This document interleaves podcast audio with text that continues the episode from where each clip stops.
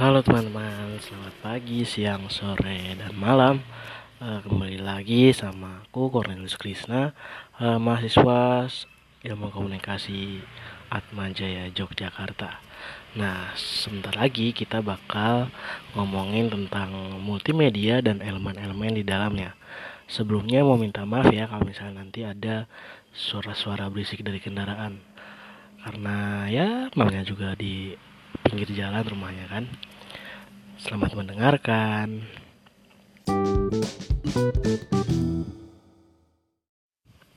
Nah, kita mulai sekarang ya.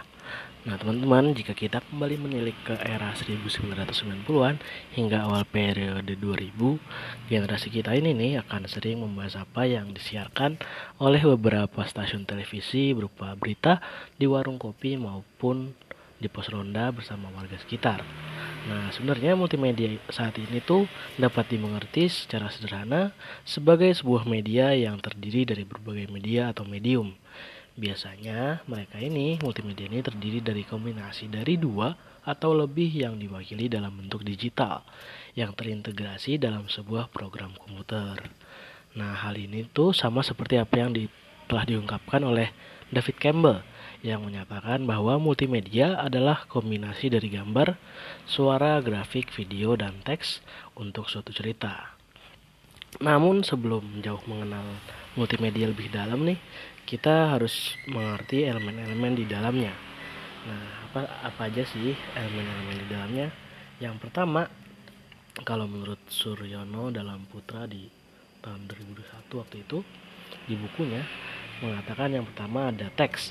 Nah, teks ini adalah suatu pesan atau informasi yang terdiri dari gabungan berbagai kata. Nah, teks ini merupakan media yang mudah digunakan untuk menyampaikan gagasan atau ide yang ingin disampaikan.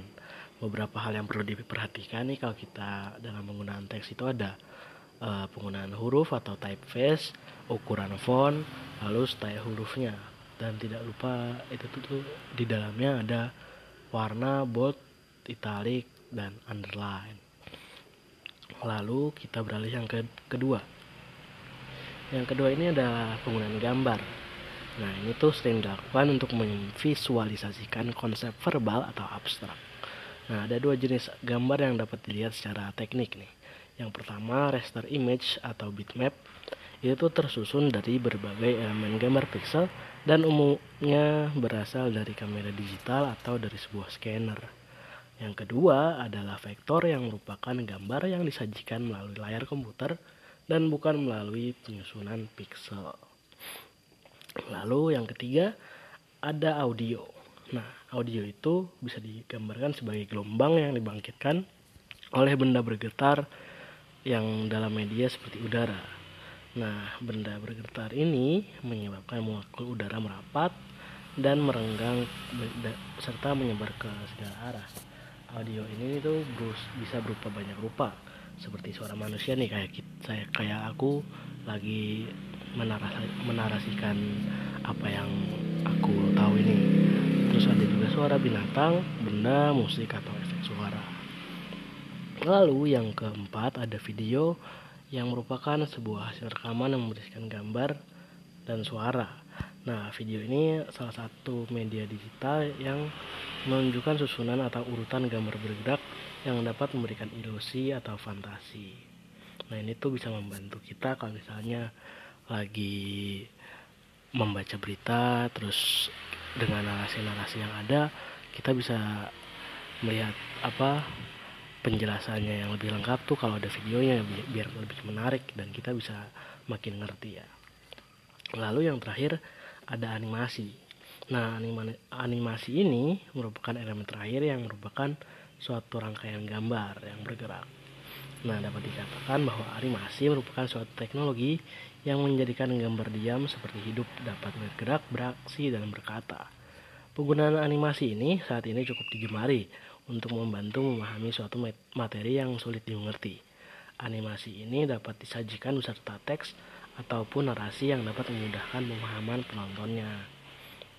Nah, elemen-elemen yang ada pada multimedia ini sangat membantu masyarakat dalam memahami apa yang disajikan oleh suatu media. Nah, hal ini juga di, juga oleh media berita digunakan sebagai dalam dunia jurnalisme atau kita dapat mengenalnya dengan jurnalisme multimedia. Apa sih jurnal, jurnalisme multimedia itu? Nah, jurnal, jurnalisme multimedia ini membuka ruang partisipasi aktif bagi para penggunanya yang dapat terlibat di dalam sebuah konten. Gimana caranya?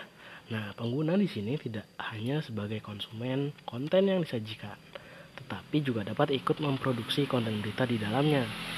Di sisi lain, jurnalis dalam praktik jurnalisme multimedia dipaksa untuk berkolaborasi dalam memproduksi konten, seperti penyajian gambar, video, maupun infografik.